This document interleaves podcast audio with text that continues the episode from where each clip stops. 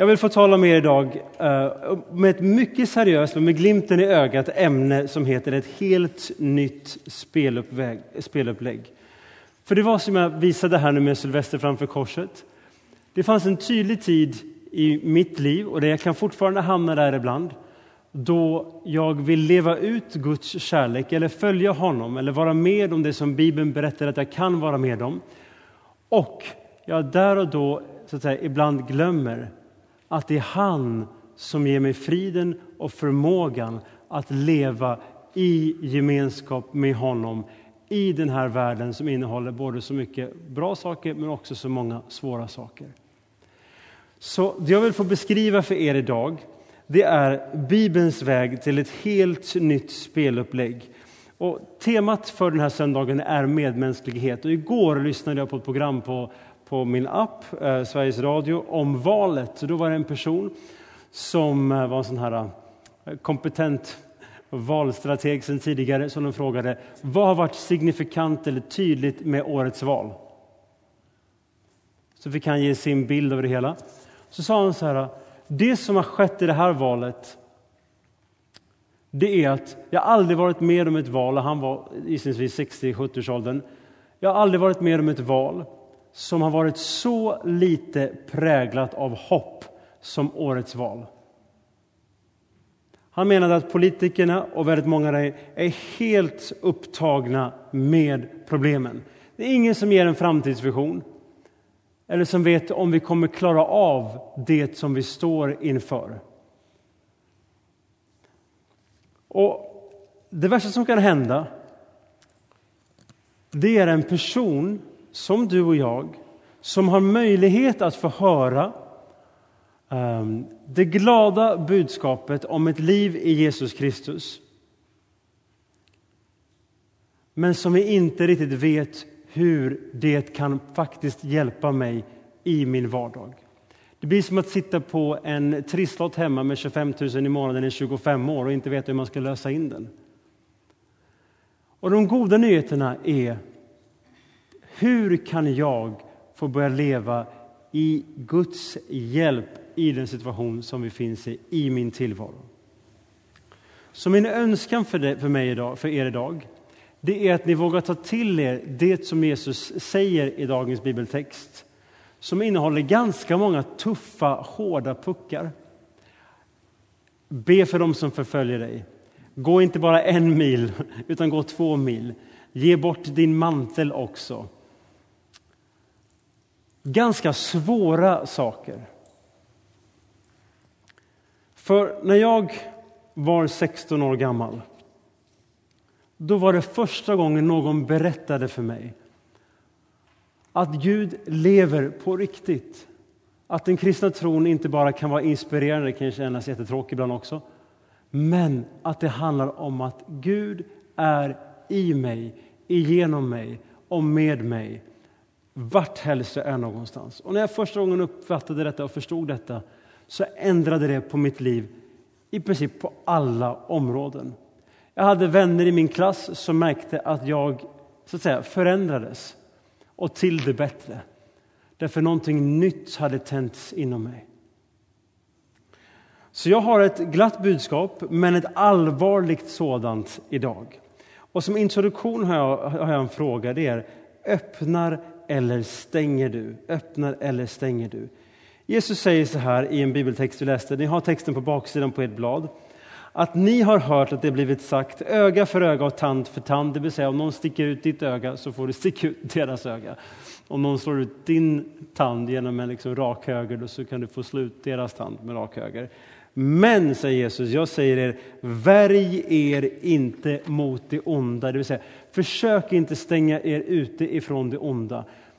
Flytta bara inte, lås inte bara er dörr, skärma inte bara av er, utan våga lev i en mörk tid. Det är ett hoppfullt budskap som behöver höras i den här tiden. Men det är ju som så, för jag har ställt frågan öppnar eller stänger du? Därför när vi blir rädda, när jag blir rädd, då sluter jag mig. Om jag är i ett samtal med någon människa och den människan verkar irriterad eller upprörd, då blir jag också på defensiven, eller så blir man aggressiv. Alltså man, man reagerar, man blir rädd. Och så är det ju. Och i tider där man talar om energikris och inflation och lån och problem här och där och klimatkris. Finns världen kvar? Kommer jag ha någonting att äta? Finns det någon framtid? Så är risken jättestor att vi sluter oss. Och det här vi ser nu i land efter land som blir mer så att säga nationalistiska. Det vill säga, man tänker mest och främst på sitt eget. Och det kan krypa in också in i familjer och situationer. Det går bara. Men då är det så här att Jesus säger att kärleken gör oss fria och att kärleken driver ut all rädsla. Och tänker du så här, men jag kan inte riktigt älska människor som är emot mig. Nej, det kan du inte. Men det kan Gud. Det kan han. Jag har sett i mitt liv, jag har sett i själavårdande samtal som präst under mina 13 år, att människor går ifrån mörker in i ljuset med olika livssituationer. Det går inte att fixa detta, jag klarar inte av detta, jag vill inte leva, jag vill inte vara kvar i min situation. Det känns hopplöst, tungt och stumt. Och människor omkring dem har klappat dem på axeln och säger jag förstår precis hur du menar. Och så får de höra, men vet du, Gud har inte glömt bort dig. Han är med dig i det som du står i. Va?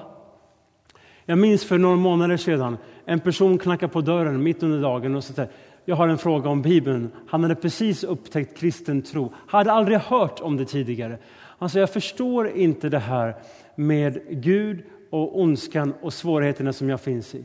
Och jag visar honom enkelt på en bibelvers där det står att Gud är den som tar på sig mörkret så att du får del av hans ljus. Han är den som bär din synd åt dig, etc. etc. Den här mannen som var i 25-årsåldern, vi stod precis där utanför. Han lyfte upp sin arm och så pekade han och sa, ser du att håren på min arm reser sig? Han blev så berörd av att han förstod att där det inte fanns hopp, där fanns det ett riktigt hopp. Inte bara så att säga, nu försöker vi tänka på ljusa tankar, utan Gud kan förändra omständigheter. Och ni ser bilden av ett kors där. Ni ser att det finns pilar utåt och pilar inåt. Därför det handlar om ett liv med Gud kan göra att du vågar sträcka ut dig både uppåt och neråt därför att du litar på att Gud bevarar dig. Men ett liv utan Gud gör att du kommer sluta dig för, i rädsla för det som händer runt omkring. Och jag har skrivit som första punkt det att det finns en inre kamp inom oss. Vi vet alla detta. Att det finns en längtan som inte alltid går. Det finns mörker som man inte känner att man ska ta sig ur. Man vill vara god, man blir ond, etc. Vi har en kamp inom oss. Och Bibeln är så tydlig med den här kampen. Och Det är viktigt viktigt att du får höra det. För en kyrka som inte talar tydligt om kampen gör att vi människor kan börja bli, så att säga, ehm, visa upp en annan sida än verkligheten. Jesus han vill att du ska få vara fri hos honom och i vila hos honom. Och en kristen gemenskap får vara en gemenskap där du kan få slappna av. När jag var 18 år gammal så minns jag tydligt när jag skulle klä mig en morgon när jag skulle gå till kyrkan. Um, jag visste inte vad jag skulle ha på mig. Varje dag i skolan tänkte jag ganska mycket på vad skulle jag ha på mig. Det tog ganska lång tid för mig att klä på mig varje morgon. Ja, nu skrattar du. Ja, du kände igen det? Ja, nej. nej, jag skojar bara. Nej, men alltså, så var det. Jag tänkte jättemycket på detta, för jag var, jag var väldigt osäker som person under flera år. Då blir allting man har på sig blir så viktigt. Bara inte någon tycker illa om mig, hur ska jag göra så alla tycker om mig? Det är det man drivs av. Jag drivs av. Och så fick jag den här tanken, men vänta nu, jag ska ju till kyrkan idag. Då behöver jag inte tänka alls på vad jag har på mig, för där vet jag ju att jag får vara den jag är. Det är i alla fall det de säger. Och så jag minns att den morgonen hade jag till och med nämligen ett par byxor som jag hade glömt att tvätta och så vidare. Tvättade själv, det var eländigt. Och jag hade glömt att tvätta, så jag hade till och med en fläck på mina beiga byxor. Så jag, jag minns att jag tog kläder som var till och med smutsiga och gick till kyrkan. Varför kan man göra så? Jo, därför Jesus är Herre överallt. Men låt oss åtminstone hjälpas åt att han får vara lite mer synlig här. Och Det här är det glada, goda budskapet. Att det finns en inre kamp. Men du behöver inte låta den mörka kampen över ditt liv vinna. När jag ser att det står ett bibelord som Jesus citerade, han säger så här, du har hört att det är sagt att du ska älska din nästa och hata din fiende. Men vet ni vad som är det speciella? Ingenstans i Bibeln så står det att, Jesus, eh, att Gud sa, älska din nästa och hata din fiende. Varför säger han så då? Jo, därför människor hörde att Gud sa, det visste de sedan tusen år tillbaka, du ska älska uh, din nästa, det vill säga alla dina medmänniskor. Och så la människor automatiskt till, men det måste betyda att jag ska hata mina fiender också. Och så började olika grupper undervisa. Du ska älska din, din nästa och du ska hata din fiende. Människor hade uppenbarligen en inre kamp inombords. Att de förstod att jag kan älska dem som tycker om mig, men jag kan inte älska dem som inte tycker om mig, därför borde jag få hata dem, för det gör jag alla andra människor också. Och man föll till föga i kampen. Men Guds ord är ett helt annat sätt att leva. Där Jesus säger, be för dem som förföljer dig, välsigna dem som är emot dig. När människor talar illa om dig, då talar du gott om dem. Är det inte precis det vi behöver i vår tid nu? Människor som vågar ta emot en käftsmäll utan att slå tillbaka för att säga du, du ska få bli befriad ifrån det hatet du har, att du vill slå och tänka illa om andra människor. Det fanns en tid då jag också förnedrade andra, eller talade illa om andra, eller baktalade andra, eller skvallrade om andra. Men sen mötte jag Gud som bara tänkte väl om mig, som bara har en ljus väg för mig, som bara älskar mig. Och när han mötte mig och jag mötte honom så inser jag att du är lika mycket hans avbild som jag är hans avbild. Och ingen av oss vet den bästa lösningen för alla politiska lösningar lösningar. Men jag vet en sak, att Gud är sanningen. Jag ska behandla dig lika mycket som du är värdig. Du är värdig att få respekt från mig därför Gud, han respekterar mig trots alla mina problem. Det är det här budskapet som vi behöver och som har förvandlat samhället förut, som en gång förvandlade Sverige ifrån ett förtryckande samhälle för ett antal hundra år sedan till ett samhälle av frid och frihet som vi lever. Och nu när människor upplever förtryck igen, då finns det bara en person som kan ändra det här. Och det är inte du, det är inte jag, det är inte det politiska partiet du röstar på, utan det är endast Jesus Kristus själv. Och det är därför jag inledde predikan med att skaka hand med Sylvester framför korset. Därför det räcker inte att du och jag försöker vårt bästa. Det kommer aldrig gå hela vägen. Jesus säger, jag har kommit för att vara en läkare för dem som är sjuka. Jag har kommit för att vara den kraften som du saknar. Jag har kommit för att förlåta det du inte ens vill ta i med tång. De problem du inte kan överkomma, de har jag överkommit. För till och med om de dödar dig så säger Bibeln att han bevarar din utgång ifrån det här livet. Du har ingenting att frukta, du har ingenting att vara rädd för. Det värsta de kan göra är att säga saker som inte är sanna, för Gud vet sanningen om dig. Du är älskad, du är skapad av honom, du är förlåten av honom och han kommer aldrig att överge dig. Och det är det här som är det tydliga budskapet. Jag sa att det var ett tydligt och kraftfullt budskap idag, men också det ljusa budskapet idag.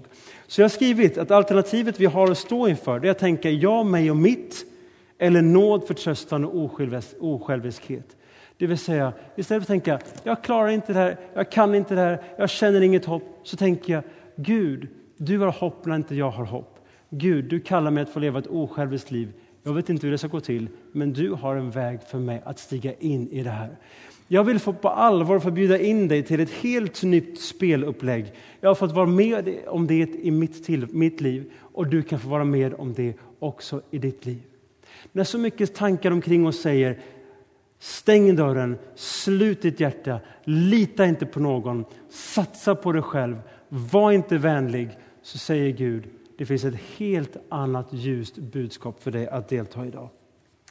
För Jesus sa, det som lagen inte kunde göra, det gjorde Gud. Och därför har jag som andra punkt, för att gå in på Duplantis här nu, en, en väldigt stor förebild för många, att Jesus Kristus förändrar alla förutsättningar. Han förändrar alla förutsättningar. Ni ser Duplantis här, en av världens mest främsta idrottare, kanske genom tiderna. Och han hoppar ju där över en, en, ehm, en ribba på 6,21. 6 meter, jag är nästan två. Så det är upp till högtalaren ungefär. Och så har någon tagit en bild där han flyger över där. Och så kan man ställa sig frågan, hur är det möjligt? Ja, det som är helt omöjligt för en människa, det är möjligt med en stav som är lite böjd i gummi.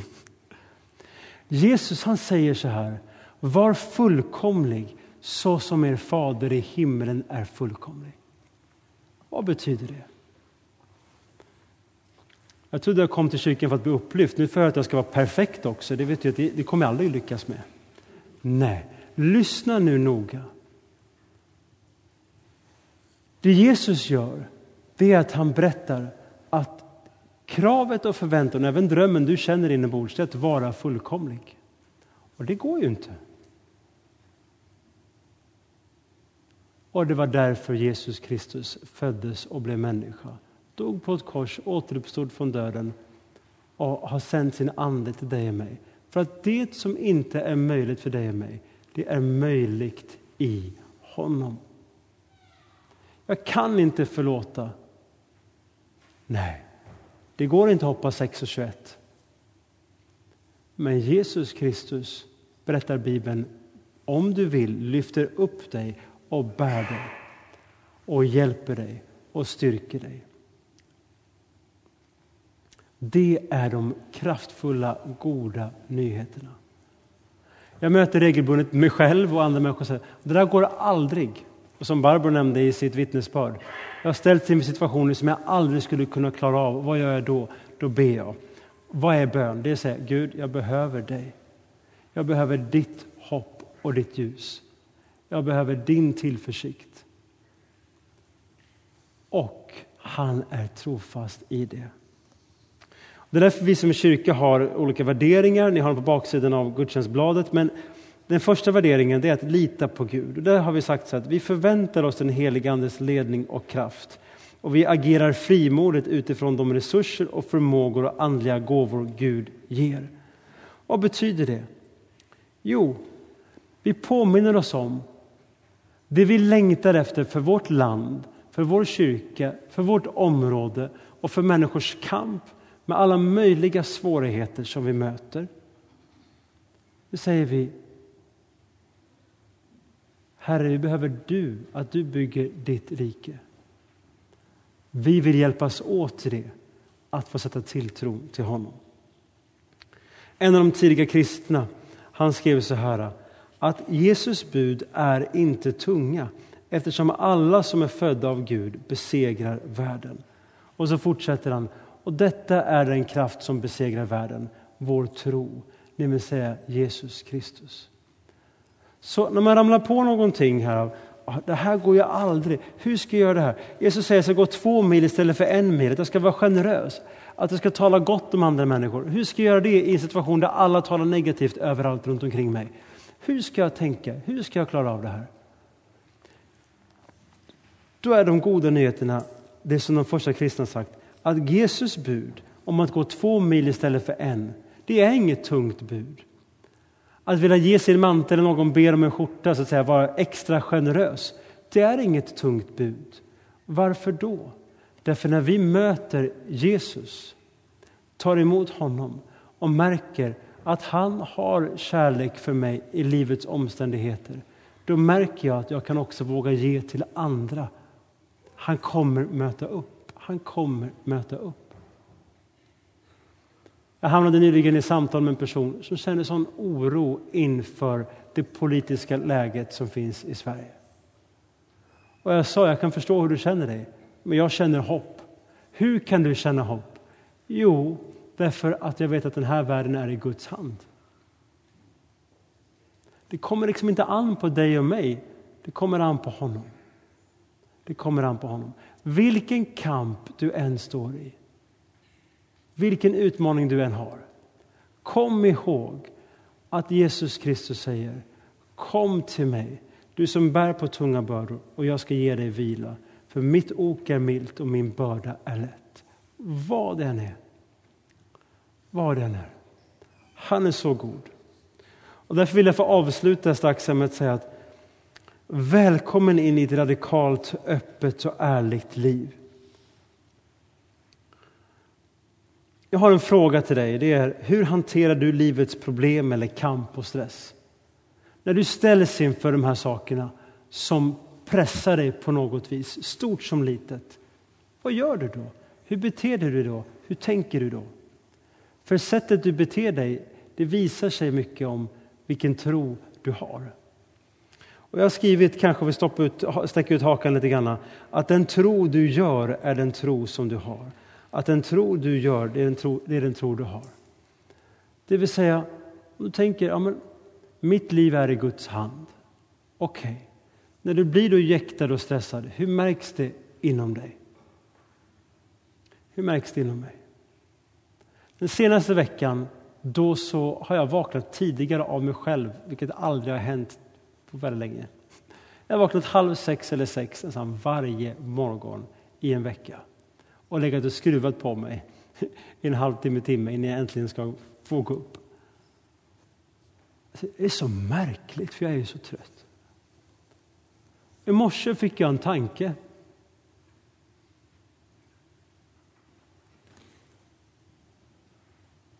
Och den var så här.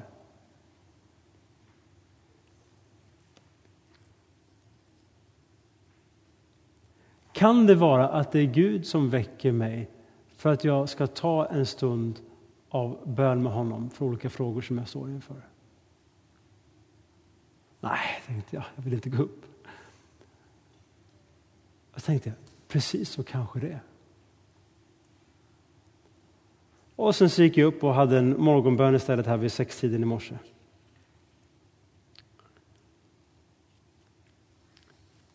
Den här frågan är lika mycket till mig som till er. Du vet, en av de tidiga kristna, Paulus, han skriver i Första Korinthierbrevet 4, ni har det framför er. Man smädar oss och vi välsignar. Man talar illa om oss och vi svarar med goda ord.